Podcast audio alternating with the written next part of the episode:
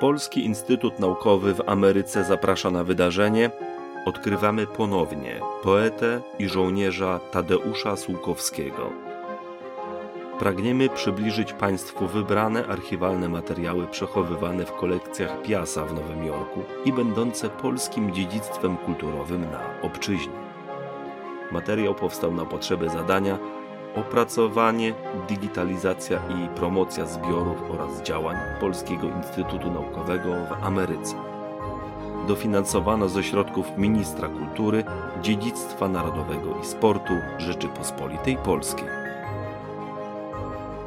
Czyta Aneta Kosno.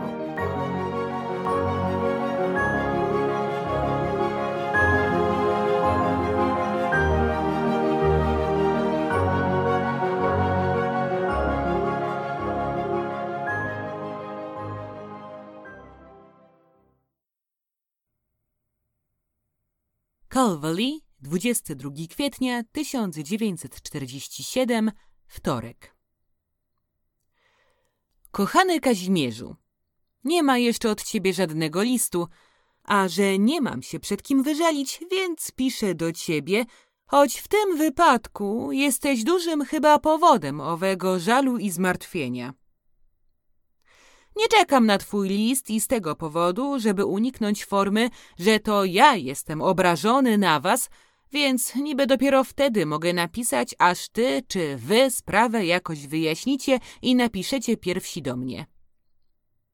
Fakt faktem, że z recenzją moją stała się nawalanka z waszej strony. Z jednej strony wpadacie w programowe apostolstwo czystości języka – wasz przesadne puryzmy czy słownika, z drugiej nie ma chyba na emigracji pisma tak bałaganiarskiego, jeśli chodzi o korekty, jak orzeł.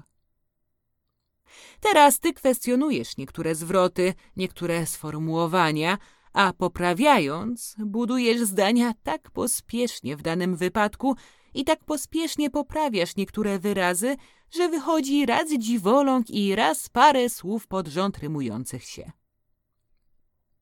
W jednym wypadku sens został zupełnie odwrotny. Każdy uważniejszy czytelnik z Piaseckim włącznie miałby prawo zesobaczyć mnie za nielogiczny wywód i niechlujstwo. To są racje zewnętrzne, czy jakie tam nazwać, mego oburzenia. Teraz druga strona medalu. Prywatna. Piszę mało i chcę, by to mało miało formę schludną, przynajmniej taką, na jaką w granicach swych możliwości mogę się zdobyć. W żadnym wypadku nie pozwolę, by mnie pismo traktowało per przez nogę. Prócz owych racji zewnętrznych, pisanie i druk potrzebne mi są dla osobistego ratunku i muszę ten ratunek tak sobie urządzić, by miał kształt rzeczywistej pociechy. Orzeł nauczył swych współpracowników, i to nie od dziś, że od chwili posłania czegoś do redakcji, do chwili ujrzenia tego w druku, człowiek przeżywa męki, czy zamiast słowa męka nie zrobicie mąka. Najczęściej obawy są słuszne. Wasze niechlujstwo dochodzi już do takich granic, że powinniście za całość tego zjawiska stanąć przed sądem. Brak strony drugiej. Proszę cię, byś nikomu ze swych brukselskich znajomych czy kolegów nie pokazywał ani nie opowiadał o tym, co wam nieraz przesyłam, zanim nie umieścicie tego w piśmie.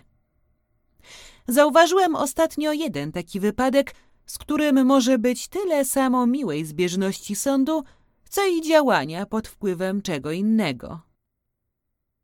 Myślę, że nie jest to z mojej strony wygórowane życzenie, byście mi przysyłali nieraz, oczywiście z obowiązkiem zwrotu przeze mnie, pisma krajowe.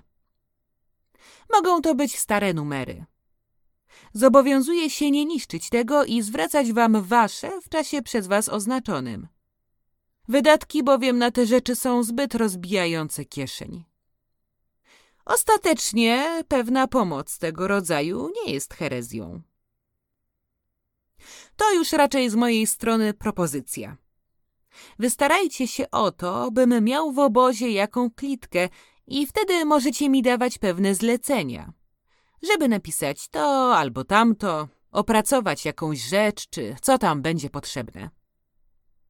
Jak wiesz, ze wszystkich ludzi piszących w korpusie mam najgorsze warunki pracy i nawet pies z kulawą nogą nie zajmie się tą sprawą.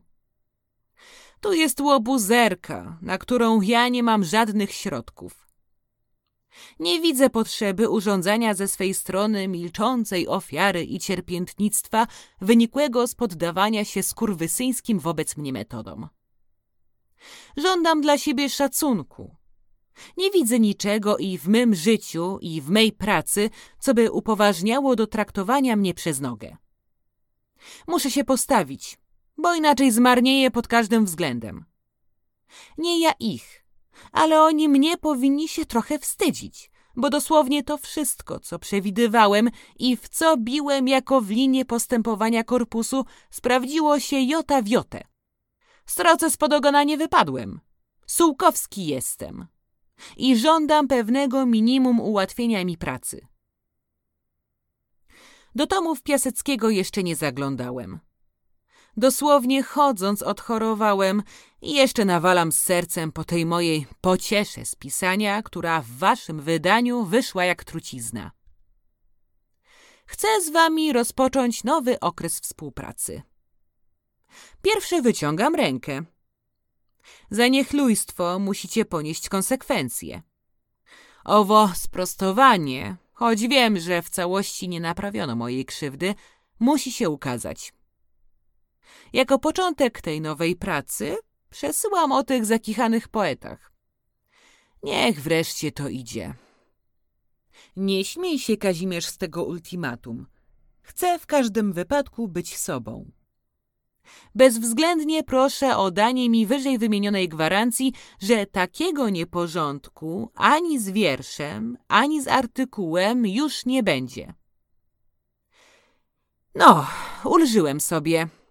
Ale poważnie mówiąc, cóż bym dał za to, żebym mógł spokojnie spać, że mi nowego kawału nie zrobicie. Jutro o sprawach już całkiem prywatnych. Bądź zdrów. Ściskam. Tadeusz.